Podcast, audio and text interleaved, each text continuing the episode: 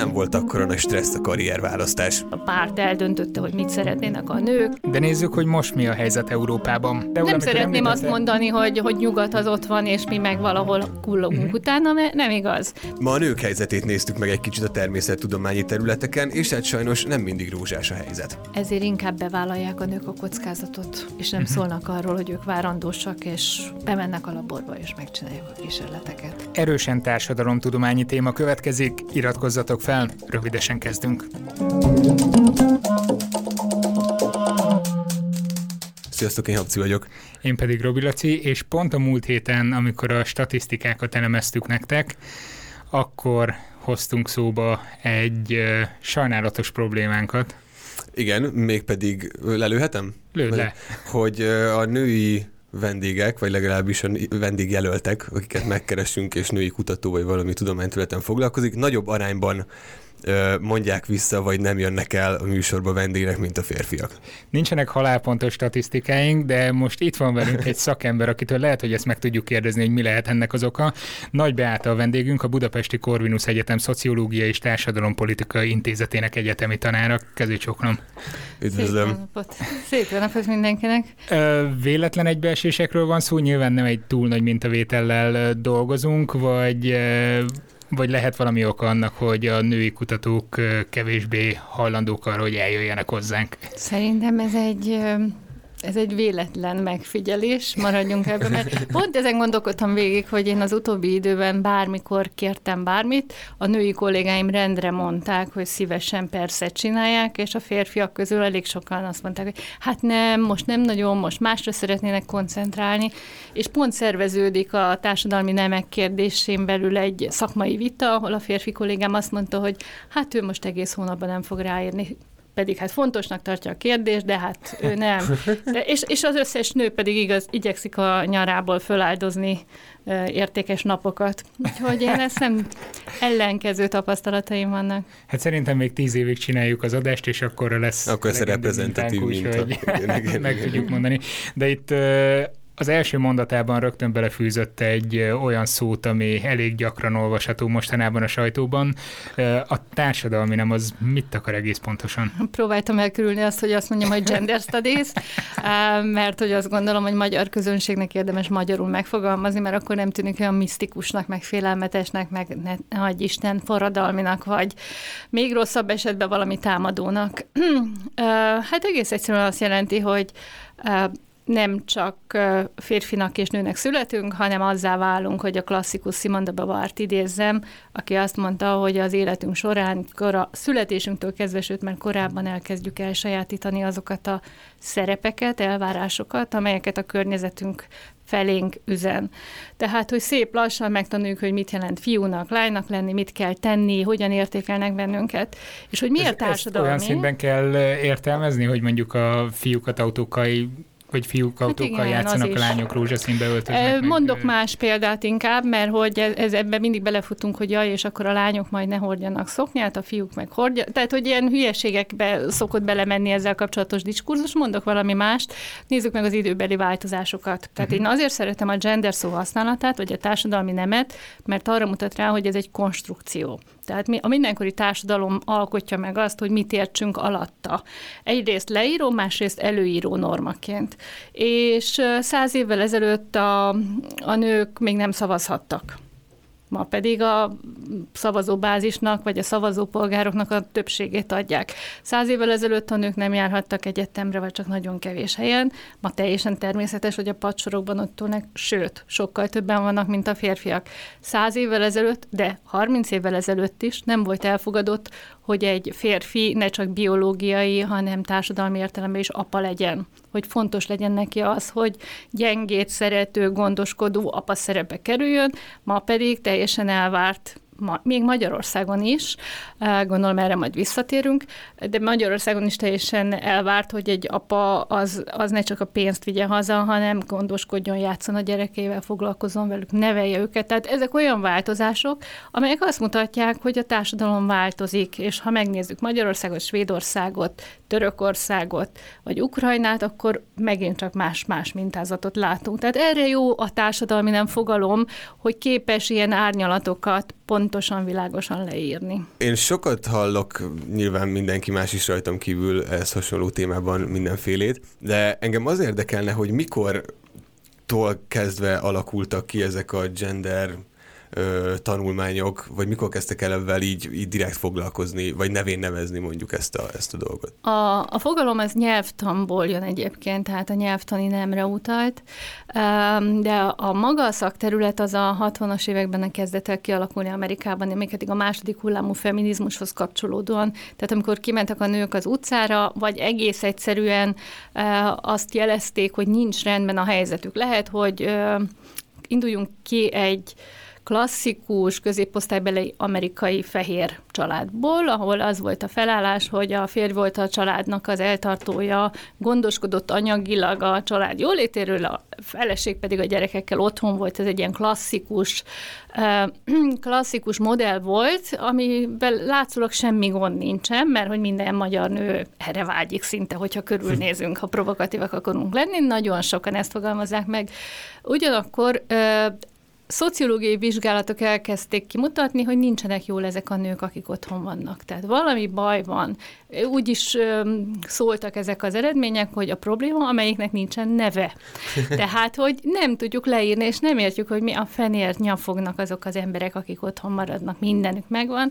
És pontosan ezért, mert nem találták a helyüket. Tehát, hogy az, hogy valaki a gyerekeivel van, az egy része az életének, de hát annyi minden más is van, és ezzel együtt nagyon sokféle egyéb követelés fogalmazódott meg, mint például egyenlő munkáért, egyenlő bért, az én testem, fölött én döntsek, tehát az abortuszhoz, a szexualitáshoz való jog, ugye ez a um, mindenhol hatalmas szexuális forradalom zajlott, fogamzásgátlás kérdése, tehát egy rengeteg dologban társadalmi szinten alulról szerveződve változás kezdődött, és erre reflektált tulajdonképpen az akadémiai élet, és mondta, hogy hoppá, hát ez, ez tulajdonképpen egy önálló terület, és először úgy nevezték, hogy Women Studies, Aha. És akkor hát azért kiderült 10-20 év alatt, hogy nem elég ezt női kérdésként kezelni, mert nem csak a nőkről van szó. Igen, pont ezt akartam kérdezni, általában mindig a nők, akik először felmerülnek ennek a dolognak a kapcsán, és a férfiakat uh-huh. kevésbé szokták emlegetni. Egyáltalán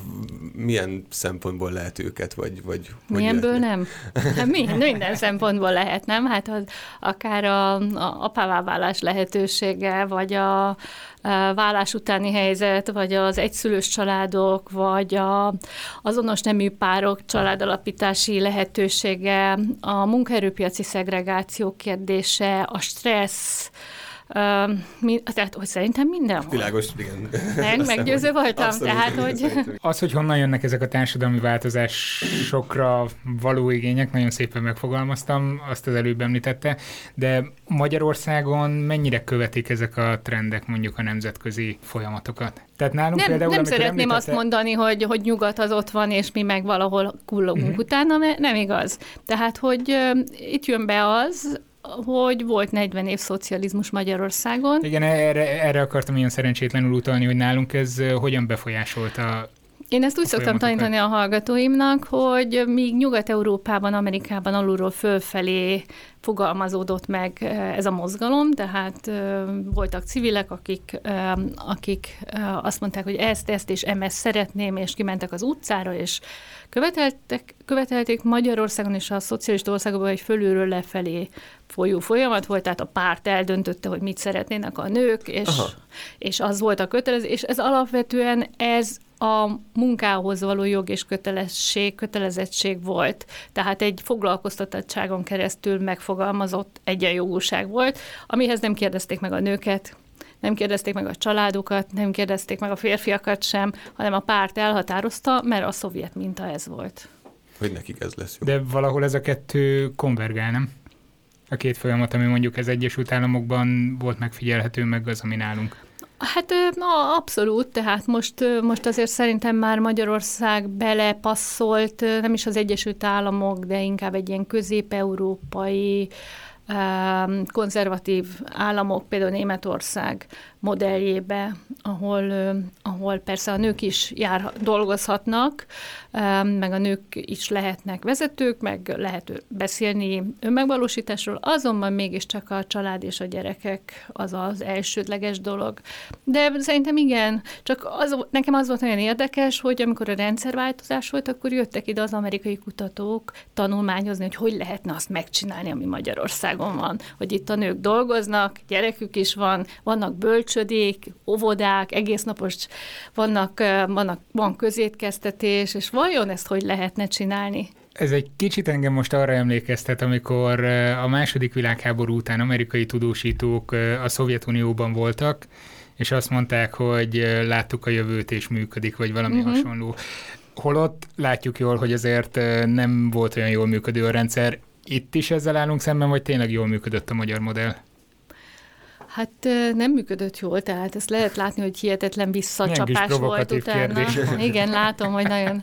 Tehát hogy nagyon visszacsapás volt, nem véletlen, hogy a, az ilyen keresőmunkával kapcsolatos attitűdök a magyar társadalomban nagyon gyorsan megváltoztak, és, és úgy gondolja a magyar társadalomnak egy nagy része még ma is, hogy hogy a, a család ellátásának, az, e, tehát a családról való gondoskodás, a gyerekekről való gondoskodás az egy női feladat, és hogy lehetőség szerint, amíg a gyerek nem megy iskolába, addig az anya maradjon otthon, vagy legfeljebb részállásban dolgozzon. Tehát, hogy vissza, tehát nem, nem működött ez olyan jól, tehát nem azonosultak vele a nők tömegei és a családok tömegei a szocializmusban. Uh-huh. Kívülről úgy tűnt, hogy jó. Kívülről úgy tűnt, hogy jó, igen, mindenhol csinálták. Persze vannak ennek hosszú távú hatásai, tehát ez is országonként különböző, és itt meg a kelet-nyugat-németország példáját érdemes előhozni, ugye, amelyik már hát elég régóta egyesült, és ennek ellenére Kelet-Németországban még mindig más a, például a bölcsödékhez való viszony, mint Nyugat-Németországban. Tehát a kelet-német nők még mindig sokkal fontosabbnak tartják, hogy legyenek bölcsödék, hogy a kisgyerekeknek is legyen el, ellátás, és hogy a, a nők dolgozzanak, és függetlenségük lehessen a, a férfitól. Sokkal, sokkal autonómabbak maradtak a kelet-német nők, annak ellenére, hogy 25 éve vagy majdnem 25 éve egységes Németországban. De ennek mi oka lehet mondjuk a idősebb generációktól kapott tapasztalat, vagy, vagy egyéb dolgok, vagy ezt, vagy ezt nem tudjuk, hogy ez miért lehet így? Én arra Akár emlékszem, igen, tehát én arra emlékszem, hogy, hogy amikor a, a, amikor a két Németország egyesülni kezdett, hogy leomlott a fal, akkor egy dolgot szerettek volna megtartani a nyugat-németek kelet-németországból, az abortuszhoz való jogot. És minden más szerettek volna eltörölni. Tehát, hogy azt gondolom, hogy ez egy olyan erős lehengerlése volt a nyugatiak által a keletieknek. Aha, Tehát, hogy mentek a nyugati tudósok, és gyakorlatilag az összes kelet-német egyetemen az összes pozíciót, professzori állást elfoglalták. Mondván, hogy ők, a, ők nincsenek politikailag involválódva, vagy nem voltak, tehát hogy ők a tiszta tudósok. Azt gondolom, hogy ez a kelet-német társadalomban egy ellenérzést szült hogy ők ilyen másodrangúak, uh-huh. kevésbé megbecsültek, és fölértékelődtek azok a vívmányok, amit amúgy fontosnak tartottak. Azt említette még a beszélgetés kezdetén is, hogy ugye milyen vívmányok jöttek egymás után. Például most már senki nem lepődik meg azon, hogy a nők nem, hogy ott vannak az egyetemeken, de akár nagyobb arányban is. És valahol innen indult ki az eredeti beszélgetésünk még tegnap, hogy jöjjön el hozzánk ide uh-huh. a mhm. stúdióba, hogy a nők szerepe a tudományos és műszaki területen az hogyan alakult, illetve ö, hogyan érdemes megközelíteni ezt a kérdést. Ez különösen annak fényében, hogy nemrég volt a Lányok napja például, aminek elsődleges célja az, hogy ö, lányokat próbáljanak megterelni a STEM területek felé. Igen, ez is egy érdekes történet, mert a rendszerváltozás előtt a jelenleginél magasabb arányban voltak a nők a műszaki területeken, meg informatikai területeken, és aztán a, a váltás után a, ez a nemek szerinti szegregáció, ez felerősödött. Igen? uh-huh, igen. E, ennek tudhatjuk az okát? Hát magasabb presztízse volt a rendszerváltozás előtt a műszaki pályának, mint a rendszerváltozás után. Tehát, hogy ott volt egy nagyon erős mélyrepülése a műszaki pályáknak, ugye jöttek a közgazdász pályák. Hogy érintsenem. Igen, de, de voltak, voltak olyan területek, ugye mi alapján választ valaki egyetemi területet, nagyon sokszor, hát vagy tudja, hogy mi szeretne lenni, ez szerintem a ritkaság, és hát, hogy milyen tárgyból vagyok jó, hova mehetek. És tulajdonképpen ez a, a mivel a közgazdászpálya presztízse elkezdett a rendszerváltozás után megerősödni, tehát egyre jobb egyre jobban el lehetett helyezkedni, egyre jobb kereseti lehetőségek voltak, ezért a két pályának, műszaki versus például közgazdasági vagy jogi, ellenkező volt a röppályája. Tehát a műszaki pálya az egy ilyen eléggé le, le, lement akkor lefelé, az orvosi is egyébként, és ezzel egy időben a például a közgazdasági jogi pályának a megbecsültsége, kereseti lehetősége az sokkal magasabb lett. És, és hát ezek a tárgyak, meg amiben a lányok ugye jók voltak, mert ugye azt tudjuk, hogy a középiskolában a, a lányoknak a pontszámai, eredményei, osztályzatai azok általában magasabbak tudnak lenni, mint a fiúké. Ezért a, a lányok elindultak ebbe az irányba. De ez elkezdődött már korábban, már a 70-es, 80-as években a főiskolákon a közgazdászpálya például feminizálódott. Nem tudom, válaszoltam a kérdésre, de hogy szóval, hogy visszatérjünk az eredetihez. E, igen, a, tehát a rendszerváltozás után lecsökkent a lányok érdeklődése a műszaki pálya iránt, és gyakorlatilag most arról szól a történet, hogy valahogy újra fel kellene hívni a figyelmet arra, hogy hát, hogy egy műszaki terület nem csak azt jelenti, hogy koszos esztergapad mellett áll az ember, hanem azt, hogy valamilyen számítógép vezérelt folyamatot felügyel vagy kitalál. Egy rövid szünet után innen folytatjuk a beszélgetést. A Szertár Podcast adásait közösségi finanszírozásból készítjük. A működési költségeket a patreon.com per Szertár oldalon tett felajánlásokból fedezzük. Ha tehetitek, csatlakozzatok ti is azokhoz az előfizetőkhöz, akik havonta legalább egy hamburger árával hozzájárulnak ahhoz, hogy hétről hétre új adással jelentkezhessünk. Köszönjük! A szünet előtt ott fejeztük be, hogy van a Lányok Napja című kezdeményezés, aminek az elsődleges célja az az, hogy a lányokat tereljék a különböző STEM, vagyis Science, Technology, Engineering and Math, tehát a, lehet így fogalmazni a reál tárgyak felé, illetve azok felé, a pályák felé. Viszont amikor tavaly először ezeket megosztottuk a szertár oldalán, akkor ha nem is nagyon heves, vérremenő viták alakultak ki, de azért jöttek hozzászólások, és valaki akkor felvetette, hogy mi a helyzet ezzel a Nordic Gender Equality paradoxal, nem tudom, hogy ez erről hallott-e. Nem. Ö, igazság szerint, amikor én ennek utána jártam, az egy norvég dokumentumfilm sorozatban jelent meg, nem nagyon láttam ennek további kifutását, viszont az azzal foglalkozott, hogy azokban az országokban, ahol túl nagy esély egyenlőtlenség nincsen így a nemek terén, vagy nincsen túl nagy rés, ott előszeretettel választják a lányok inkább a kevésbé STEM orientált területeket. Van ennek valami realitása? Próbálom pörgetni a példákat, hogy... Mert hogy ott az egyik követőnk azt vetette fel, hogy ezzel érdemes uh-huh. lenne foglalkozni. Ez jó egy éves csúszás. Nem, nem tudom, még pörgetem a fejemben, hogy, hogy hol, hogyan, mikor mennek a lányok. És az jut eszembe, hogy például Amerikában most sokkal többen mennek, és szerintem Norvégiában is sokkal többen mennek ilyen területre, mint korábban, mert hogy a norvég és a svéd és az izlandi területen nagyon próbálják azt elérni, hogy ezt a nemek szerinti foglalkozási szegregációt lebontsák. Tehát, hogy nagy állami kezdeményezések vannak, civil kezdeményezések vannak, azért, hogy senkit ne zárjanak be abba a boxba, hogy csak azért, mert lánynak vagy fiúnak született, azért kell arra a területre mennie. És ez mennyire működik? Uh, szó-szó. Uh-huh. Szó-szó, mert hogy van, van, ahol jól működik, például maradunk a STEM példánál, mert hogyha Persze. STEM-nél, akkor, akkor át kell gondolnom, mert most ha Norvégia, akkor olyanok jutottak eszembe, hogy rengeteg norvég kutatás volt arról, hogy mennyire maszkulin a norvég műszaki egyetemeknek a klímája.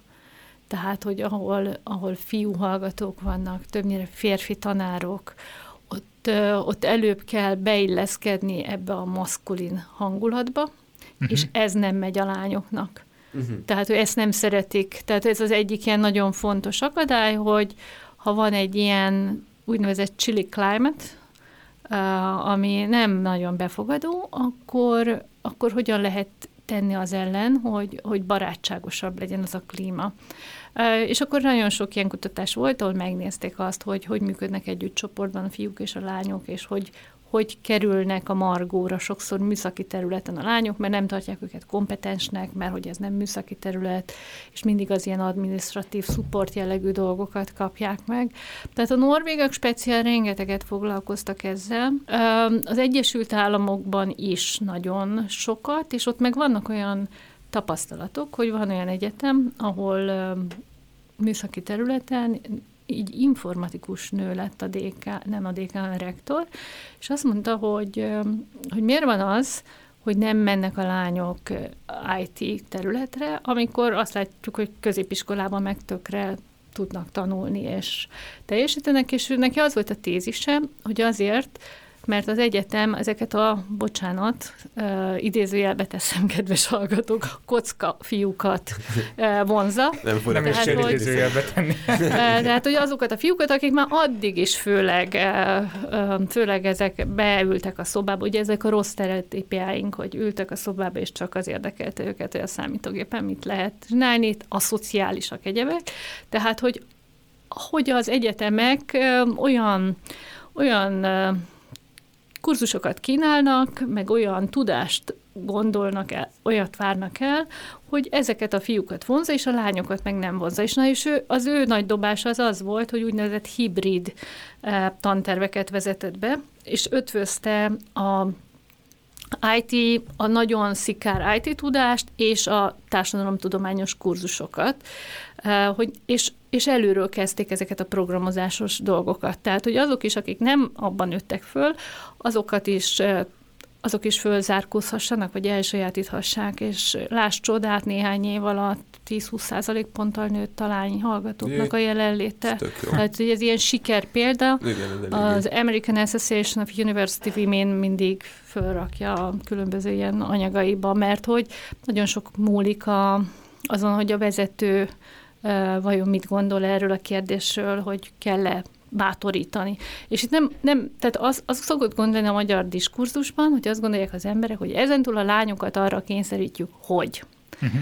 És akkor én erre azt szoktam mondani, hogy nézzék meg a Lányok Napjának a német honlapját, a, a, a Girls Day Németországban Angela Merkel-lel van reklámozva, mert hogy ő a fővédnöke a kezdetektől. Hát nem nagyon lehet mondani. Hát eleve... Keresve se találhattak volna jobbat. Vagy... De, igen, igen, igen, igen. Hát eleve magas pozícióban van, másrészt ilyen területről érkezett. Pontosan. Tehát... Igen, igen.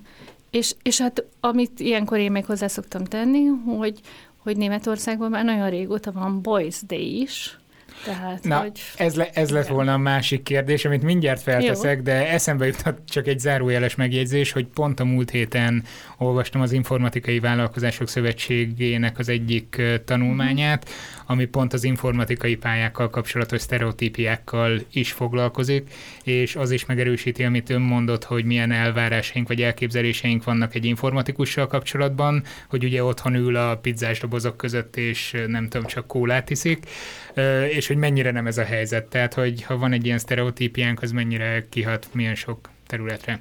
Viszont a másik kérdés, amit ezzel kapcsolatban az idén kaptunk, hogy mikor lesz akkor vajon fiúk napja, mert hogy milyen érdekes, próbálom szó szerint idézni, de most nem fogom hirtelen megtalálni, hogy milyen furcsa, hogy akkor jönnek elő az esélyegyenlőségi törekvések, ha jól fizető tech munkáról van szó. Hol van a lányok napja, amikor nehéz fizikai munka van soron?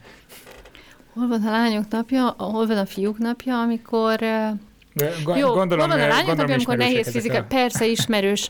Um, hát ha megnézzük a munkaerőpiacot, hogy um, hogy hol dolgoznak mondjuk a, a diplomások vagy a magasabban képzettek, amiket azért a lányok napja mutat példaként, tehát hogy nem a, hogy mondjam, nem a gyártósor melletti dobozoló állásokat reklámozzák se a lányoknak, se a fiúknak. Tehát, hogy ezek a szakmák, amik, amikről itt általában a lányok napján szó van, azok, azok értelmiségi pozíciók és, és a szolgáltató szektorban általában nem a nehéz fizikai munkáról szólnak. Tehát összességében egyre kevesebb nehéz fizikai munka van. Tehát egyre uh-huh. kevesebb férfinak kell a bányában dolgozni, egyre kevésbé jellemző, hogy egy mérnök vasakat cipel, tehát, hogy egész egyszerűen a munka jellege megváltozott, és ha csinálunk egy projekciót, akkor azt látjuk, hogy, hogy egy fokozatosan a szolgáltató szektorban lesznek, lesznek állások. Tehát, hogy nem a nehéz fizikai, tehát a férfiakat se a nehéz fizikai munkában képzük, képzeljük el. Tehát, hogy ne, tehát ez szerintem egy fals dolog, tehát ha megnézzük, hogy, hogy hogy milyen a foglalkozások összetétele, akkor egyre kevésbé a nehéz fizikai munka. Tehát egyre kevesebb a mozdonyvezető, ugyanakkor meg ha a mozdonyvezető példa jutott már eszembe, ugye a MÁV-nak a jelenlegi igazgatója, Dávid Ilona, ő elvégezte a mozdonyvezető képzést, pont azért, hogy... Kötelező munkakörből Hát igen, igen, hogy ne az legyen, hogy azt se tudja, és hát ő mondta, hogy eh, hát ezek a modern vonatok, ezek mozdonyok, ezek már, ezek már nem olyan bonyolult dolgok, dolgok, tehát ezzel nem fizikai erő kell. Fú, de milyen komoly követelmények vannak egyébként egy mozdonyvezetővel szemben. Voltál, jelentkeztél? Nem egyszerűen? jelentkeztem, de jártak hozzánk időnként tesztelni magukat, vagy gyakorolni a tesztekre azokon a gépeken, ami volt nálunk ilyen ja, ja, ja. reakcióidőmérő, meg mindenféle. Ilyeneket kell nekik csinálni. Szerkezet. Igen, Ez és igen. elég, elég jól kell teljesíteniük. De ha visszatérhetek még erre a lányok napja, fiúk napjára, én Persze. voltam Németországban egy-két éve egy fiúk napja kapcsán, ahol meg el, elvittek bennünket uh, Hamburgba megnézni olyan óvodákat, ahol sok férfi dolgozik. Uh, 25% volt a férfi óvodapedagógusoknak az aránya. Jé, nem is találkoztam meg életemben szerintem óvóbácsival. férfi óvóbácsival, igen. igen. Pedig, pedig az óvóképző karon elég, elég sok fiú szokott tanulni. Lehet. Vagy legalábbis meglepően. Kirúgják őket félúton meg. Hát nem, nem, nem szerintem végigmennek. Hát, hogy végigmennek, és aztán szembesülnek vele, hogy férfiként ennyit keresni, plusz még megküzdeni sokszor a, a kollégák és a szülőknek a negatív hozzáállásával. Azért voltak Magyarországon is ilyen történetek, pedofilia gyanú, uh-huh furcsa tekintetek, hogy mit keres egy férfi óvodapedagógusként, miért simogatja meg a gyerek fejét, stb. stb. Egy csomó olyan dolog, amiben ilyen konfliktusok alakultak ki.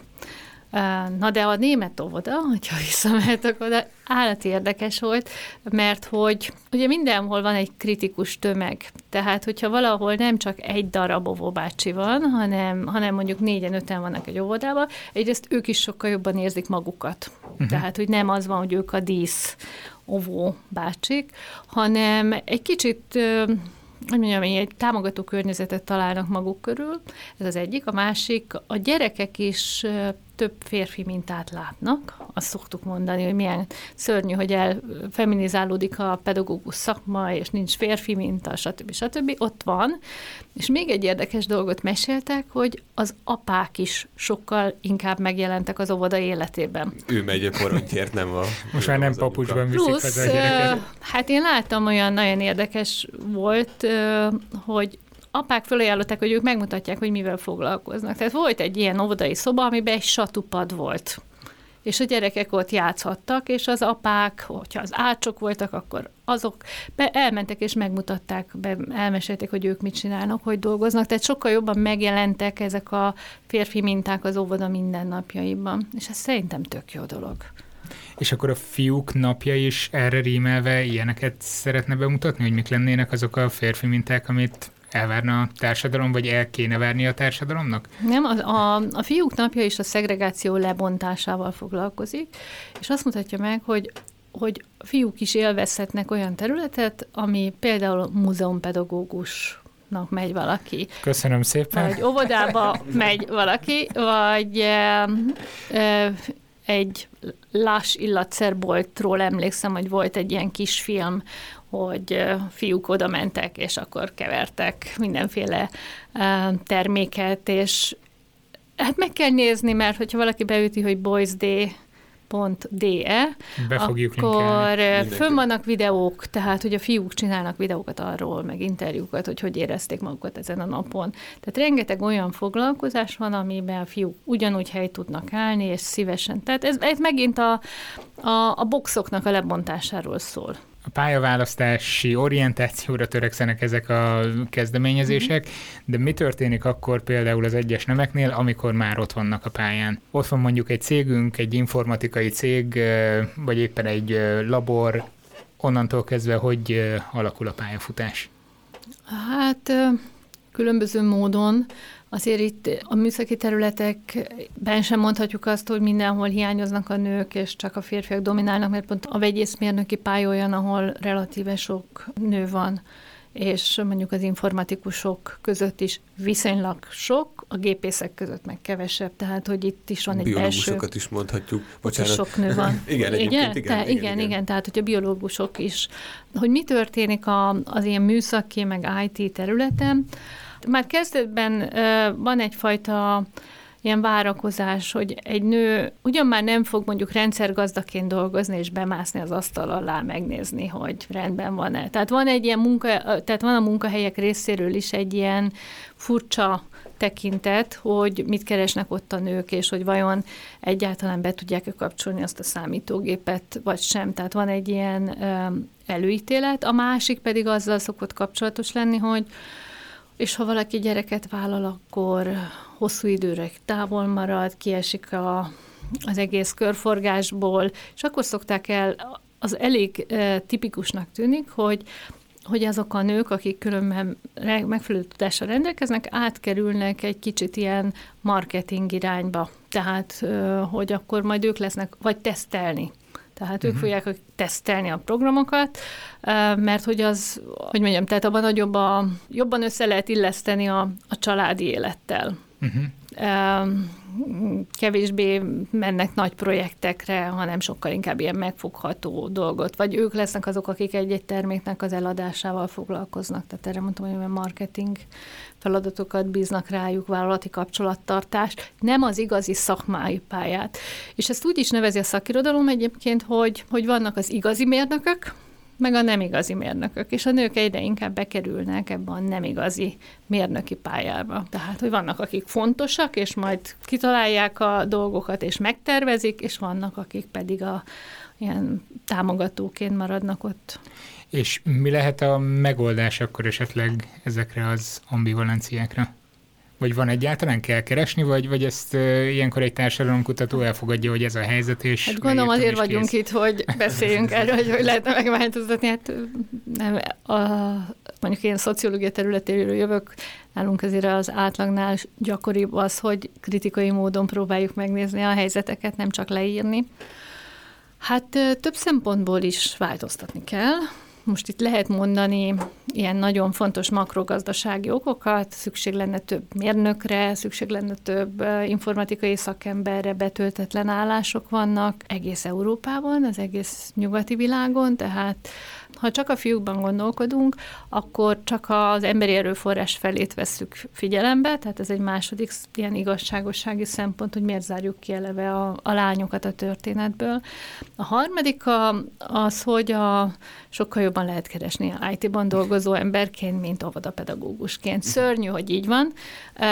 Mármint, hogy az szörnyű, hogy, a, hogy pont azokat nem becsüljük meg, akik a gyerekekről gondoskodnak. És az alapjait raknák le az egésznek. Igen, igen, igen igen, de hogy, hogy ez egy ilyen anyagi kérdés is lehet, hogyha valaki nem a hagyományos nőies pályát választ, akkor lehet, hogy sokkal jobban tud keresni, mint ha ott marad.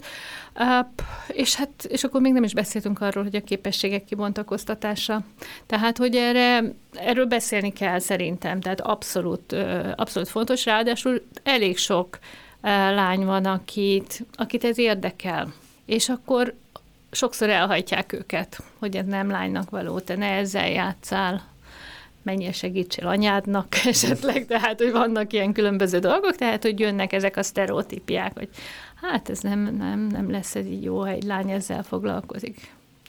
Vannak Magyarországon olyan pozitív példák, nyilván vannak csak milyen számban, ahol össze tudják rendesen egyeztetni mondjuk az igazi, idézőjelbe igazi mérnöki munkával mondjuk a családi feladatokat? Ez, ez a kérdés szerintem ugyanúgy releváns lenne a férfiak esetében. Hát, hogy egy férfinak miért ne kéne összeegyeztetni a családi életet, vagy a magánéletet és a munkát? Hát nem. Mondjuk ez is igaz. Tehát, hogy miért, miért a nőknek teszük. A női, azt látom, hogy a, a nőknek eléggé főleg a női vezetők nagyon utálják már ezt a kérdést, hogy miért mindig őket kérdezik meg, miért a férfi kollégáikat miért nem kérdezzük meg, hogy vajon hogy sikerül nekik összeegyeztetni, és mennyi időt töltöttek a gyerekükkel, és elég jó apák-e. Szóval, hogy nem tudom már mi volt a kérdés, de ez jutott eszembe. De szerintem ez választás viszont, viszont ha már említette a női vezetőket, azért ha végignézünk mondjuk az akadémiai intézeteken, vagy mondjuk a valamelyik nagyobb egyetem dékányai között mondjuk a BM-ét megnézzük, hát nagyon kevés nőt látunk. Igen. Köszönöm szépen. Tehát, hogy ennek például mi lehet az oka? Tudom, hogy ez is egy, ahogy említette, egy legalább egy fél éves tantárgy lehet önöknél, de annak mi lehet az oka, hogy egyre, uh-huh. nem, nem egyre kevesebb nő van, de hogy megyünk felfelé a ranglétrán, az arányuk én legalábbis úgy érzem, hogy csökken. Erre többféle ilyen magyarázat van. Um, többféle metafora is van. Ha ilyen vezetői pozíciókról beszélünk, akkor van egy labirintus metafora, ami azt mondja, hogy a, a női vezetők benne vannak a, a, a vezetés útvesztőjében. Ez azt jelenti, hogy el lehet jutni a célig, csak mindig olyan akadályok vannak, amiket nem látunk előre. Tehát, hogy úgy fordul a pálya, úgy alakul, olyan hirtelen meglepetés áll elő, amivel mindig meg kell küzdeni, meg lehet, csak nagyon nagy erőforrásokat igényel. Tehát ez a láthatatlan akadályokra utal, és a, a szociológusok ezt azért meg is határozták, hogy mik a láthatatlan akadályok, és az egyik ilyen az előítéleteknek a csoportja. Tehát, uh-huh. hogy gondoljuk-e azt, hogy, hogy egy nő és egy férfi ugyanúgy el tudja végezni és a feladatot, és ugyanúgy ugyanolyan fizetést érdemele. Tehát, hogyha az előítéletek az a kereseti különbségekkel kezdődik egyébként és már a diplomás pálya, pályakövetési vizsgálatok mutatják, hogy már a kezdő diplomásoknál a kereseti különbség van a fiúk és a lányok között minden szakterületen. Minden szakterületen? Tehát uh-huh. mielőtt érkezett hozzánk a stúdióba, megnéztem az Eurostatnak a kimutatásait, és Magyarországon ilyen 15% körül láttam a uh-huh. kereseti különbséget. Ez nyilván a teljes foglalkoztatásra van viszonyítva, de ezek szerint műszaki, informatikai pályán is ilyen nagy eltérés lehet? Kicsit nagyobb. Kicsit Még nagyobb? Nagyobb, igen, igen. Tehát, hogy ebben az a durva, Ez, hogy mondjuk az a... Én a, azt reméltem volna, vagy azt gondoltam volna, hogy itt jóval kisebb nem, esetleg. Nem, nem. Sokkal nagyobbak a kereseti lehetőségek az informatikai pályán, ezért ezért sokkal nagyobb a gap. Uh, és az a durva szerintem, hogy, hogy még a pedagógus pályán belül is van nemek közötti bérrés már a kezdeti szakaszban. Annak ellenére, hogy a pedagógusi is. pályán viszont többnyire nők igen. vannak? Igen, igen. Ennek ellenére minden területen minél magasabbak az elérhető keresetek, annál inkább. És ez a kereseti különbség, vagy bérés, ez az életpálya során ez növekszik. Tehát a gyerekszülés, előléptetések, vezetői pozíciók, ezek egyre szélesítik ezt az ollót, ami a két nem között van. De mondom, már a kezdetnél, tehát még ki se lépnek, vagy még csak gyakornokként dolgoztak, de már megvan. Erre azt mondta egyszer egy vállalatnál dolgozó uh, szakember, hogy hát ő HR pozícióban nem vezetőnek nem tud férfit oda venni. Érdekes. Igen, tehát hogy, hogy, hogy egy-egy területen belül is ilyen eltérés van.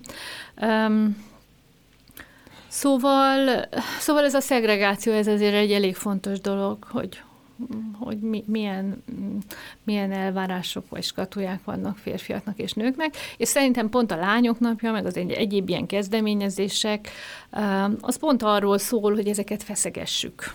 Próbáljuk uh-huh. meg dekonstruálni azt, hogy kell, pontos, az szükségszerű az, hogy, hogy nem tudom, csak nők legyenek az óvodában. Van ennek egyébként egy nagyon fontos kapcsolódó eleme, utaltam rá, az elérhető keresetek. Tehát, hogy az iszonyat igazságtalan, hogy, hogy azok a pályák, ahol a nők vannak többségben, sokkal kisebb kereseti lehetőséget garantálnak, mint ahol a férfiak. Tehát, ha egy férfi elmegy óvodapedagógusnak, nagyon gyorsan azzal szembesül, hogy ebből ő nem fogja tudni eltartani sem magát, se a családját, és elmegy más Ezt már egy félmondattal említette, említette az előbb, de ön is ezt emelte ki elsőként, hogy akkor ez a férfi nem fogja tudni eltartani Aha. a családját. Tehát akkor ennyire erős a mai napig ez, a, ez az elvárás. Ez azért is annyira így van, hogy néhány éve volt az egyik heti labban egy interjú magyar férfi óvodapedagógusokkal, és legnagyobb meglepetésemre még ők is ezt hangsúlyozták, hogy ők szeretnének lenni otthon a család eltartók. Uh-huh. Tehát, hogy annak ellenére, hogy egy ö, feminizált szakmában dolgoznak, úgy tűnik, hogy ők aztán megváltoztatták ezt a hagyományos nemi rendet, de mégis úgy gondolják, hogy egy férfi kell, hogy eltartja a családot. Ez pedig a magyar, tehát ezt úgy nevezzük egyébként, hogy ilyen nemi kultúra, milyen az a nemi kultúra az adott országban vagy társadalomban. Uh-huh. Ö, említette ezt a labirintus modellt, uh-huh.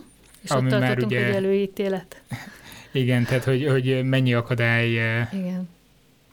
Hát, hogy vannak közön. továbbiak, gyorsan elsorolom, jó? Tehát az előítélet, a, a kompetencia megkérdőjelezése, hogy tud-e egy nő ugyanúgy helytállni, mint egy férfi, ha nagyon ha nagyon határozott valaki, akkor azt mondják, hogy elveszítette a nőiességét, ha nem elég határozott, akkor meg azt mondják, hogy nem rátermet vezető, tehát egy 22-es csapdája van jelen ebben a helyzetben. A harmadik ilyen akadálya a vezetési stílus, és az az elvárás, hogy hogyan vezessen egy férfi és egy nő, a negyedik pedig a munka-magánélet egyensúly. Tehát, hogy uh-huh. a, a, tehát én most mondhatom persze, hogy egy férfi esetében is fontos, hogy erről beszéljünk, de hát a házi munka háromnegyedét ma Magyarországon még mindig a nők végzik, és a északi országokban is egyébként, tehát a norvégoknál is többet csinálnak otthon a nők a háztartásban. Tegnap, amikor egyeztettünk telefonon, említett egy másik metaforát is, ami nekem nagyon megtetszett, ez a szivárgó vezetékek uh-huh. elmélete vagy hasonlata. Igen. Ez miről szól? Hát ez pont arra utal, hogy nem, tehát, hogy ezt a kérdést komplex módon kell nézni, és azt az a, az a nagy kérdés, hogy miért van az, hogy akkor is, ha a nők bekerülnek és tanulnak műszaki pályán, hogy hogyan, hogyan tűnnek el bizonyos állomásoknál, hol szivárognak ki, hol esnek ki ebből a csőből. És ez azért érdekes szerintem, vagy fontos metafora, mert ha azonosítjuk azt, hogy például már a, nem tudom, a kutatói pálya kezdetén, akkor arra tudunk valami policit csinálni. Tehát azt tudjuk mondani, hogy ott valamiért a, a, a nők nem szeretnek, vagy nem tudnak bemaradni, vagy nem léptetik őket elő, akkor azt meg lehet nézni, hogy mi történik ott, lehet valami akciótervet készíteni, hogy Na jó, de például e, ott van a fiatal kutató 21 néhány évesen, uh-huh. Mhm. 25-26 évesen, e, karrierje elején el, valamint épp családalapítás uh-huh. előtt el, Nyilván mondjuk egy laboratóriumban nem biztos, hogy szívesen dolgozik terhesen, tehát akkor szeretne távol maradni onnantól kezdve, és utána meg nehéz visszakerülni, nem? Vagy ez nem, tehát hogy erre, erre hogy lehet mondjuk megoldást kínálni? És, és az a szörnyű, az egyik tanítványom készített interjúkat ilyen helyzetben lévő nőkkel, az a, az a szörnyű, hogy mivel nagyon nagy a nyomás, hogy megcsinálni a kutatómunkát és a PHD-t és előre haladni, ezért inkább bevállalják a nők a kockázatot, és nem uh-huh. szólnak arról, hogy ők várandósak, és bemennek a laborba, és megcsinálják a kísérleteket. Igen, erre is hallottam már, hogy ilyen eltitkolják.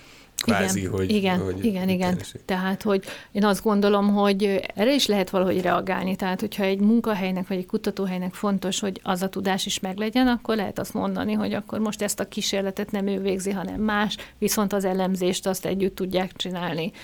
Tehát, hogy azért egy várandós időszak az kilenc hónap. Hogyha pedig valaki gyereket vár, akkor utána nem tudom, fél évig, egy évig van, amikor biológiailag mindenképp jó, ha az anya van ott, de uh-huh. akkor se 24 órában.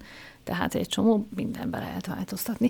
Akkor még gyorsan elmondom, mielőtt le, befejezzük az adást, hogy, hogy, ez a, hogy ez a gyes, tehát hogy mennyi ideig maradjon otthon egy anya, az is iszonyatosan egy társadalmi Igen, konstrukció. Még a kelet-nyugat-németország példájára akartam kérdezni csak. Igen, tehát Amerikában nulla nap fizetett gyereknevelési szabadság van nálunk, meg három év. most ezért. Igen, tehát nálunk meg három év, tehát hogy, hogy ez, ez azért megmutatja, hogy hol élünk, annak megfelelően változatos a világ. És nem feltétlenül mondanám azt, hogy Magyarországon ennek hatására sokkal boldogabbak és kiegyensúlyozottabbak az emberek? Nem, nem de ez már múlik. a feminista paradoxon fogalma, és azt meg igen? szerintem majd... Na majd utána olvasok. Hát köszönjük szépen, hogy itt volt velünk és megosztotta ezeket a néhol elég feszengő kérdésénk ellenére. Igen, igen. Köszönjük szépen, hogy itt volt velünk. Nagyon szívesen.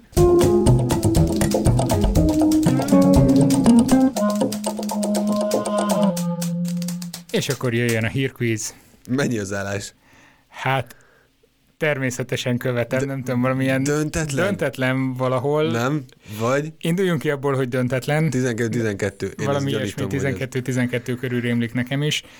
Úgyhogy uh, majd hozzáadjuk azt, amit most uh, játszottunk. Jó. Nem volt időm hazamenni megnézni a dolgokat. De azért hoztál valamit? Hogy ne hoztam volna. Jó, akkor jó, jó. Öm, kezdem én. Kezdje. Jó, mert viszket a tenyerem ettől a kérdéstől. De tényleg érdekes, most ma reggel Akkor találtam. ezek szerint vakarózásról lesz szó, és már vakaróznom kéne. Nem, nem, nem, nem arról lesz szó egyáltalán, semmi ilyesmi de azért vakarózol. A sugárkezelésnek egy csomóféle mellékhatása van. Viszketés. Például viszketés is lehet akár, főleg akkor, hogyha direkt az agynak a területét célozzák, vagy valamilyen fejen ö, lévő területet. Ilyenek a fejfájás, hányinger, hallásvesztés, különböző rohamok esetleg mm-hmm. súlyosabb esetben. Ja, akkor a viszketés ez vicc volt. Ez vicc volt, igen.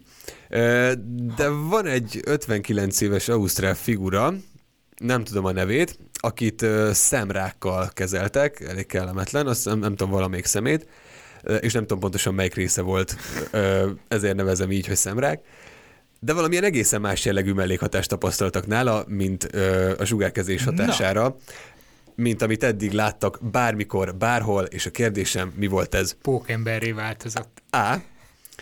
Látványos intelligencia növekedés jelent meg nála. A kezelés alatt, ami nem is tudom, több mint egy hónapig tartott, megtanult egy idegen nyelvet, elvégzett egy tanfolyamot, nem tudom, valamilyen szakmát, és a rossz szem ellenére egy csomó könyvet el tudott olvasni, mert hogy sokkal gyorsabban fogadta be az információt, és ezt IQ tesztekkel is sikerült igazolni, hogy az eddigiekhez képest egy jelentős intelligencia szint emelkedés következett be, és ahogy véget ért a kezelés, ez újra egy ilyen csökkenő tendenciát kezdett mutatni. B. A terápia első hetében a páciens álmai fekete-fehérről élénk színessé változtak, ilyen 3D-s matematikai képleteket, különböző autókat és az általa fogott halakat álmodott, állítása szerint, de mindezt nagyon élénk színes képpen, és ez egészen addig kitartott, amíg tartott a kezelés hasonlóképp, mint az előző, illetve C. Olyan intenzív halucinációk jelentek meg nála, amit eddig még nem tapasztaltak a kezelés története során. Ugyanakkor a beszámolók szerint egyáltalán nem volt kellemetlen élmény, sőt a sérült szemével is újra tudott látni ezek, hmm. ezeken a halucinációk alatt, és szintén a kezelés végével ez is tovább tűnt. Tehát azt haluszta, hogy lát és tényleg. Nagyjából igen. Mert előtte fekete-fehérben álmodott? Igen. Hát én azt kizárom. Tehát álom, intelligencia növekedés. Viszont az intelligencia halom. növekedés az nagyon tetszik, és azért tetszik, mert valami szifiben olvastam egy hasonló, de ott nem sugárkezelés volt, ha jól emlékszem, plutóniumot rákcsált. Nem megfagyott, vagy valami, mintha valami balesetet szenvedett volna, Aha. és azután tűnt fel az orvosoknak, hogy nagyon megemelkedett az intelligencia hányadosa. Um, hogy halucinációi lettek volna, végül is az is Végül is mégiscsak sugárkezelés alatt egy agy biztos furcsa dolgokra képes. Aj, nagyon, nagyon mosolyogsz, akkor nem ez. Hát nem tudom, nekem az intelligencia szimpatikus nem emlékszem, melyik szifi volt, de és tudom, hogy ez szifi. Halucinációi lettek volna, de az... Um... Ezt az álmot nagyon hamar kizártad, miért? Ja, Uh, nem tudom, nekem nem tetszik, hogy fekete-fehérben álmodott előtte, és utána meg színesen. Tehát ebben így, így nem látok olyan nagy nagy változást. Világos. Ö, mondjuk lehet, hogy rossz lehet fekete-fehérben álmodni, nem tudom. Te fekete-fehérben álmodsz? Nem nagyon álmodok az utóbbi években. Én nem tudom, én szoktam, és én színesen meg... Tehát, hogy ilyen Egyébként nagyon ezt életszerűen Nem vagy. tudnám megmondani egyébként egyértelműen. Most, hogy így visszagondolok, azt tudom, hogy az álmaim végtelenül unalmas történetek, tehát ilyen abszolút földhöz ragadt hétköznapi dolgok, semmi értelme annak, hogy álmodom Nem tudom, nekem az, hogy az álmaiban álltak be változások, az mi ebben a szenzet? Tehát, hogy ezt nem érzem olyan, olyan ütősnek. Kettő között vacilálok. In- az intelligencia az nagyon meglepne. Meglepne? Meg, ezt meg is jelölöm. De erre azt mondom, hogy mm, ez, ez rendben van. De Ez az is, jó- hogy lát a, lát a nem látó személyre, tehát az, az is egy nagyon érdekes dolog lehet. De ehhez hasonló valami már, tudom, egy ehhez, az- nem, egy ehhez hasonló arra kérdést már hoztál, amikor a nő talán, öm, mintha egy nő lett volna, akinek tudathasadásos elmezzavara volt, és a másik énnyel látott, vagy valami ilyesmi. Én erre nem emlékszem. Valami ilyesmi. Ki tudja, hogy ez valami álmodban volt, Laci? Lehet, Lehet. egy színes álomban. Mindegy, jelöljük meg az intelligenciát, de Jó, B verziónak a C-t megjelölöm, de jelöljük az intelligenciát. jó. Hát figyelj, akkor kezdjük avval, hogy C. Ez a halucinációs dolog, ez hülyeség, ezt kitaláltam. Jó. Semmi alapja nincs. Álom nem lesz. tudom, hogy volt-e ilyen. A látványos intelligencia nagyon jól hangzik, de sajnos nem igaz. Színeset kezdett álmodni. Színesek az álmok, Lacikám, de hát ezt én nem is értem, hogy hogy nem fogott meg téged jobban ez a dolog. Én nagyon elcsodálkoztam. De nem tudom, én nem bírom elképzelni, hogy fekete-fehér. Tehát ha azt mondod, hogy innentől kezdve csak fekete-fehérben álmodik, lehet, hogy... Uh, Az az érdekes, én nem tudtam sok mindent, és gyorsan utána olvastam, illetve az egyik cikkben még írtak erről, hogy ö, foglalkoztak ezzel kutatások, és azt mondták, hogy a 25 évesek ö, 25 éves kor alatt nem nagyon álmodnak fekete-fehéren az emberek, ott inkább az jellemző színes, színes álmok, viszont 55 év hát felett Kosztolányi is megmondta, hogy mostan színes tintákról álmodok. Go- Gondolj bele, milyen lett Igen. volna, ha ilyen 53%-os szürkével álmodtam. Viszont 55 év felett 5-6-szor nagyobb az esély annak, hogy fekete-fehér álomról számolnak be a kísérletben részt vett emberek. Nem, eg- nem egészen világos, hogy milyennek az oka. Avval társítják, hogy a médiában látott képek, meg az, amikkel így a hétköznapokban találkozol sokat, azok színesek, és ezek ugye Ausztráliában 1975 óta van színes tévé, akkor volt a 20-as éveiben ez a uh-huh. bácsi, úgyhogy lehet, hogy pont amiatt hogy elkerülte ezt a, ezt a váltást, és, és Ah, emiatt Na jó, ilyen ragadt. megközelítésben már érdekes, de így, hogy sugárkezelték és színesen álmodom, ez hülye hír volt. Hülye, hülyén vezetted fel, sajnálom. Sajnálom, igen, jó, bocsánat. De jó volt, jó, érdekes volt. Ja, és egyébként a Csernobili katasztrófa után is, akik ott voltak, ilyen sugárfertőzött személyek, ők is beszámoltak arról, hogy valamilyen, nem, nem azt mondták, hogy színes vagy fekete hanem valamilyen abnormális álom hmm. tünetek. Úgyhogy lehet, hogy hat valamennyire. Promózhatok egy kicsit? Na igen, tessék csak. A csatornámra egyre több videót töltök fel, és abban így uh, hírkvízből is kiemelek dolgokat. De Igen? most megfordítjuk a dolgot, ugyanis épp egy videón dolgozom, és ehhez kapcsolódik ez a kérdés. Remélhetőleg mire a podcast kimegy, ez a videó is fenn lesz. A Jack Dugó megvan. Meg. Tudod, Van hogy is néz ki? egy. Hát meg körülöttünk a stúdióban, itt van jó pár van. néhány Igen. ilyen uh, csatlakozó. A kérdés az az, hogy ez Honnan ugye mindenütt származik a jelen neve? van. Nem találtam meg, képzeld el, nem Pedig találtam meg, hogy honnan származik a neve. Ezen nagyon sokat gondolkoztam. Majd kisipoljuk. Nem találtam meg, hogy honnan jön a neve. Pedig volt érdekelne. volt egy olyan felvetés, hogy esetleg a jackknife ö, mintájára alkották, Aha, de ezt az egyet találtam, és azt is ilyen nagyon ö, homályos. homályosan. Remélem, mire elkészül a videó, addigra találok erre Illetve, hogyha hallgatók Mondjad. közül tudja valaki, hogy miért így hívják, akkor az írja meg nekünk. Vagy egy nekem, mert engem Igen, érdekel. kap egy, kap egy Smarties-t. Tehát egy Jack Dugót. elküldjük, elküldjük postán. Viszont kérdés az, hogy mióta léteznek ezek. Ú, Mert az, hogy hogy vezették be, az szerintem műszakilag egy tök jó dolog. Még a manuális telefonközpontok idején vetették be őket először 1878-ban. Az egynegyedes, vagyis ez az egynegyed hüvelykes változat, amit ugye nagy jacknek hívunk, megmutatom, ez az, Igen, ami itt van igen. előttünk. Ö, nem a hallgatóknak, hanem neked mutattam. Tehát, hogy ez a világ legrégebbi elektromos csatlakozó szabványa. uh-huh. Vagy a B, az 1950-es években jelentek meg, azért vetették be a ma ismert szabványt, mert az akkoriban egyre népszerűbb hordozható tranzisztoros rádiókból ugye jövésmenet köz, közben kicsúsztak az ilyen régi típusú csatlakozók, a Jacknek pedig ez a bumszlis végez, meg stabilan bennmaradt.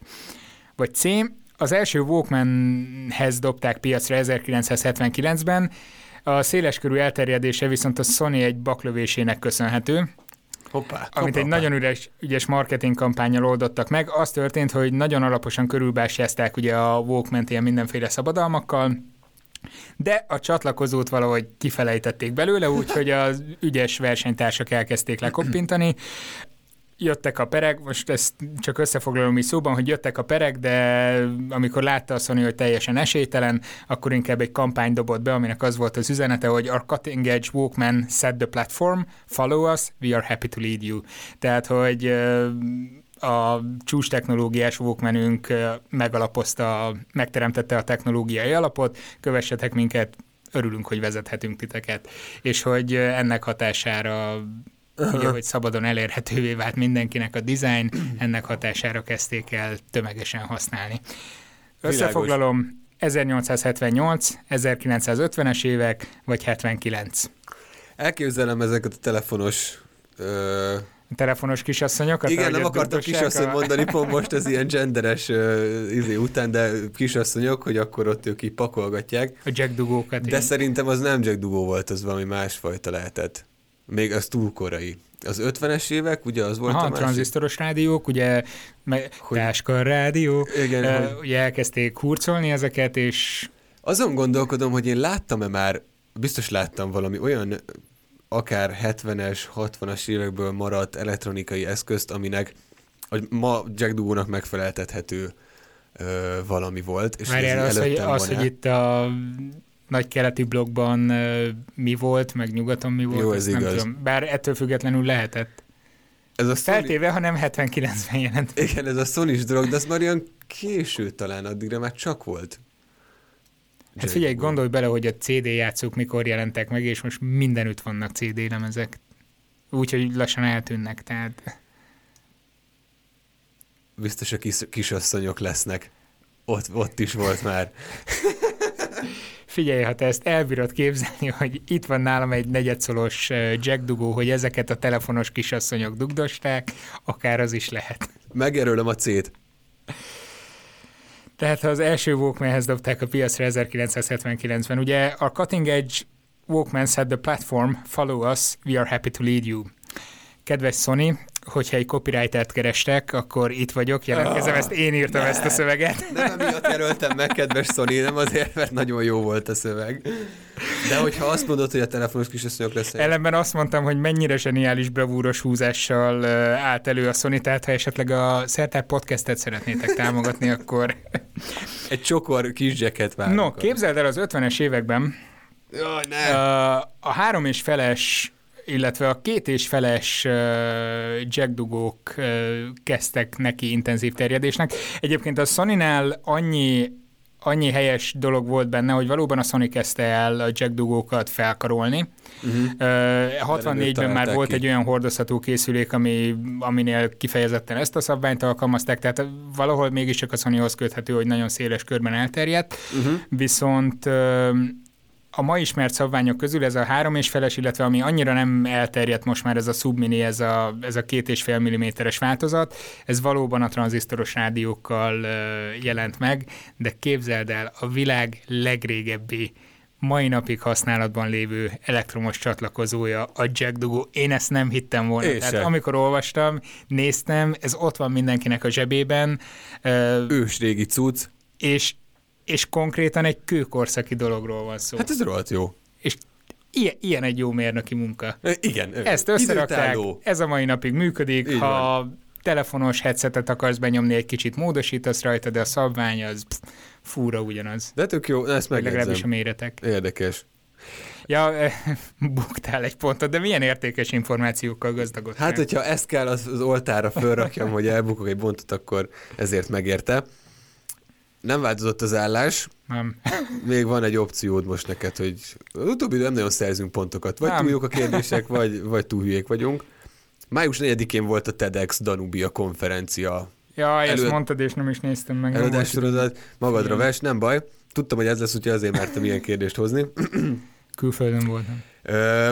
A hallgatók is biztos ismerik a TEDx-et, mi is ismerjük.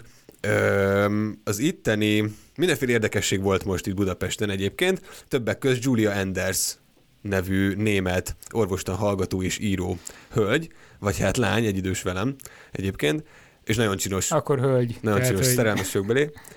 Még nem tudja, de reméljük hallgatja a podcastet. Szóval két éve vagy három éve megjelent egy könyve, ami elég hamar bestseller lett Németországban, több millió példányban kelt el, azóta lefordították egy csomó nyelvre. A címe pedig Bél ügyek, a belek csodálatos világa és a jó emésztés Uh-huh. címet viseli. Um, készült vele egyébként elég sok interjú, mert nagyon szellemes, jópofa, ilyen szórakoztató biológiai olvasmány, ö, kedves rajzokkal, amiket vagy a testvére, vagy, vagy nem is tudom, ki rajzolt, mindegy, nem is ez a lényeg. És az egyik interjú olvastam, ahol mesélt mindenféle sztorit a könyvvel kapcsolatban, és a kérdés, hogy melyik hamis? Na, A. Egyszer találkozott egy fickóval, akinek nagyon rossz szájszaga volt, állítása szerint a legrosszabb, amit életében eddig valaha tapasztalt, és másnap a fickó öngyilkos lett.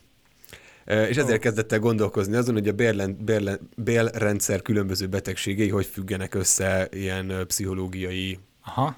defektekkel vagy, vagy elváltozásokkal. Ez az A. B.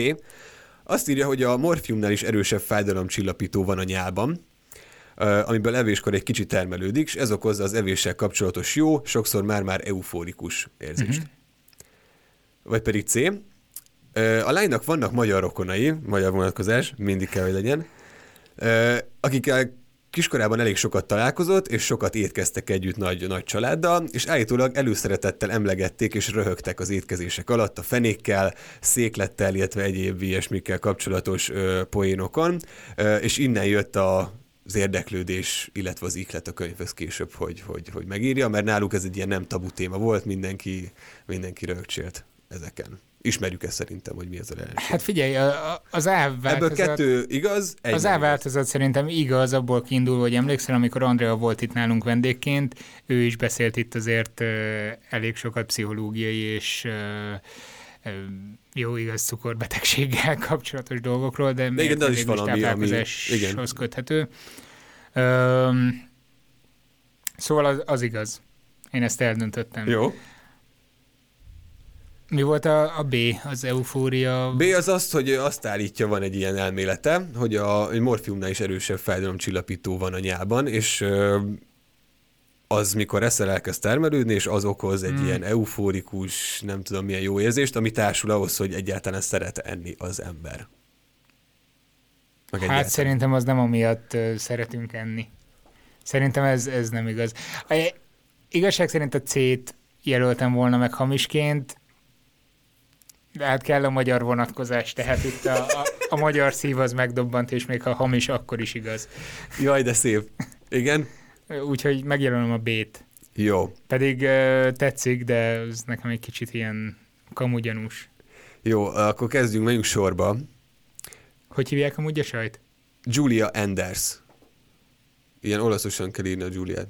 Hát figyelj, Enders Júlia. A helyes válasz pedig, illetve hogy a hamis válasz pedig a C. Ne! De éreztem sajnos- valahol. Sajnos igen, ezt a... Ó, ö, csinos. Na ugye? Most Mondtam, ilyen kedves arcom, nagyon szép. Telefonon. Igen. Kár, nem hívtuk el a műsorba, majd legközelebb, ha megint erre jár. Szóval a nyálas dolog, ez igaz? De tud magyarul? Nem. Például? Nem, nem hiszem. Angolul beszélt, vagy hát én angolul láttam. Mi szívesen csinálunk angolul interjút, csak Nem tudom, most már szerintem messze jár, vagy hát messzebb. jó, Így nem, fogjuk visszahívni. Mindegy, lényeg, hogy az is igaz, hogy a fickó szájszaga volt, a morfium is igaz, Aha. nincsenek magyar rokonai, ez a lényeg. Hát, sajnálom. De nagyon jó a könyv, és ez egyben a ajánló is volt, olvassátok el, meg lehet venni magyarul is, bélügyek. Jöhet az én kérdésem? Jöjjön. 1871-ben Darwin azt írta a fajok eredetében, hogy az élet egy langyos kis tóban született. Nem tudom, mi a pontos magyar fordítás, én most ezt így műfordítottam. Nyilván nem tudhatta, hogy mi volt ténylegesen a helyzet. Jelenleg a legelős, legerősebben az a hipotézis tartja magát, hogy tengeri hidrotermás források környékén alakulhattak ki az élet első csírái. Igen, tudok erről uh, egy-két dolgot. Innen már 3,7 milliárd évvel ezelőttről is vannak maradványok, amik ezt igazolták. Egyébként te is hoztál valami ehhez kapcsolódó hírt. Igen, igen, nem a legidősebb kőzet. De mivel Vagy rukkoltak vajon most elő a University of New South Wales kutatói? Na mivel? Na mivel? Olvastad? Nem. Nem, jó. Nem. Uh, A. Nyugat-ausztráliai stromatolitokat most újra akkor meghatároztak, újra meghatározták a korát ezeknek a stromatolitoknak, és kiderült, hogy 3,9-4 milliárd évesek is lehetnek akár. Uh-huh. Ugye ezek ilyen biogén eredetű lerakódások, rétegek, kőzetek, ha lehet így nevezni, nem vagyok ebben teljesen biztos. Tehát, hogy ezek szerint még régebb óta létezhet élet, legalábbis arra utalnak ezek a jelek. Ugye óvatosan kell minden ilyen kijelentést kezelni, ezt a kutatók meg is erősítették. Vagy B. Darwinnak volt igaza, és valóban szárazföldi hévforrásokban kezdhettek metabolizálgatni az első makromolekula kupacok, vagy a C, hogy 3,8 milliárd éves meteoritokat vizsgáltak, ami már hogy akkor csapódtak be, ami inkább azt a hipotézist erősítheti, hogy az élet valóban a naprendszer valamely más régiójába ból eredhet, ami ugye a pánspermia elmélet, de itt is ugye óvatosságra intenek, hogy nem lehet ezt így egyértelműen kijelenteni, de organikus nyomok vannak ö, olyan helyeken, ahol nem kéne lenni ezeken a meteorit darabokon. Nem tudom, mondtam-e már, hogy én pánsperm hívő vagyok. Igen? Mhm. Na, akkor tudom, mit fogsz megjelölni. Cég, köszönjük szépen, ennyi volt az adás. Jaj, nem, de amúgy nem, ez túlzás, hogy az, de Pedig vicces, tetszik. hogy most talán az Enceladus-on, vagy Enceladus ki, hogy szereti ejteni, volt hogy, ott valami? Hogy most ott sejtik azt, hogy ott vannak olyan... Jégbe fagyva egy-két cucc. Hát pont, hogy nem jégbe fagyva, mert hogy a felszín alatt állítólag ja, megfelelő éves. hőmérséklet Igen. lehet, tehát ott olyan gejzír kitörések vannak, hogy így... Uh-huh. Erről nem tudok semmit, de nem ezt fogom megjelölni egyébként. Ez, Jó. Ez nem. Mi volt az első? Hogy újrakor meghatároztak biológiai eredetűnek vélt kőzeteket, vagy lerakódásokat, és kiderült, hogy ezek 3,94 milliárd évesek is lehetnek. Aha. Hmm. Hát abból kiindulva, itt, hogy... itt ebben az a buktató, ebben Mondd el, kérlek. Nyilván ez az igaz, tehát hogy ez az igaz, és ebben az igaz hírben az a buktató, hogy nem feltétlenül biztos, hogy az a réteg valóban száz százalékig abból, tehát biogén eredetű dologról van szó. Ja, értem. Akkor tehát, nem biztos, hogy, hogy a... egy, egyik se, mondom, mindegyiket óvatosan kell kezelni, ez inkább csak adalék lehet ahhoz, hogy, hogy milyen elméletet fogadunk el majd értem, a végén. Igen, de hát csak nem nyúlnak mellé vagy nem tudom. Hát nem tudjuk, de az is lehet, hogy mondjuk szárazföldön, vagy nem, nem a földön, ott a száraz kupacon alakult ja, ki az élet, de nem mélytengeri, hanem szárazföldi hévforrásokban. Megjelölöm az át. Ne lehetne? Ez a Darwinos, az nem, az utolsót, ezt kizártam. Engem az lepett meg, jó, me, megjelöltem. Az át, Engem az lepett meg, hogy annak ellenére, hogy ilyen nagy pánsperm hívő vagy, Mégse azt kizártad a cét. Az lesz az igaz. Amit nagyon helyesen tettél. Oh. Mert hogy ezt én találtam ki. De sajnos az is kamu, hogy 3,94 milliárd évesek lettek volna azok a stromatolitok, amiket vizsgáltak, mert valóban vizsgáltak ilyeneket. És Viszont ezek szár... voltak, csak... Nem, nem ennyi idősek voltak, ilyen 3,5 milliárd év környékére datálták őket, és úgy látszik, hogy Darwin mégiscsak sejthetett valamit, ha nem is egy ilyen kellemes lágy langymeleg, langymeleg tavacskában, de mondjuk egy ilyen gejzír környékén valószínűsíthető, hogy a szárazföldön is megjelent az élet, és vannak arra utaló jelek, hogy esetleg pont, hogy innen indulhatott. Érdekes. Érdekes hát egyébként jó. a cikk, de, de nagyon sok ilyen bizonytalan uh, felvetés van benne. Elképzelhető, hogy inkább e felé hát terelődik a gyanú, hogy, tehát, nehéz, hogy, igen, hogy mondjam. nem volt ott senki. Biztos alapokon vizsgálni. Illetve aki ott volt, az már valószínűleg ilyen stromatolitokba fagyva, vagy kövülve tengeti a élettelenségét a végtelenségig. Ennyi volt a hírkvíz most. Újabb döntetlen és ezzel véget is ért a podcast adásunk. Ha kérdéseket szeretnétek küldeni, akkor robilaci.kukac.szertár.com vagy pedig hpc.szertár.com, attól függ, hogy kit szeretnétek ö, szivatni, vagy épp hogy pont ja, nem. Csak ne, ne Facebookon küldjétek el üzenetbe, mert azt mind a ketten látjuk. Tehát úgy meg nem lesz nagy meglepetés. Ö, egyébként kövessetek minket, ha már a Facebook szóba jött, Facebook oldalunkon, Szertár néven, Instagramon, Youtube-on és Soundcloud-on természetesen. És a youtube.com per Laszlo Robert Zsirost is. Nyugodtan kövessétek. Egész nyugodtan. Sziasztok. Hello.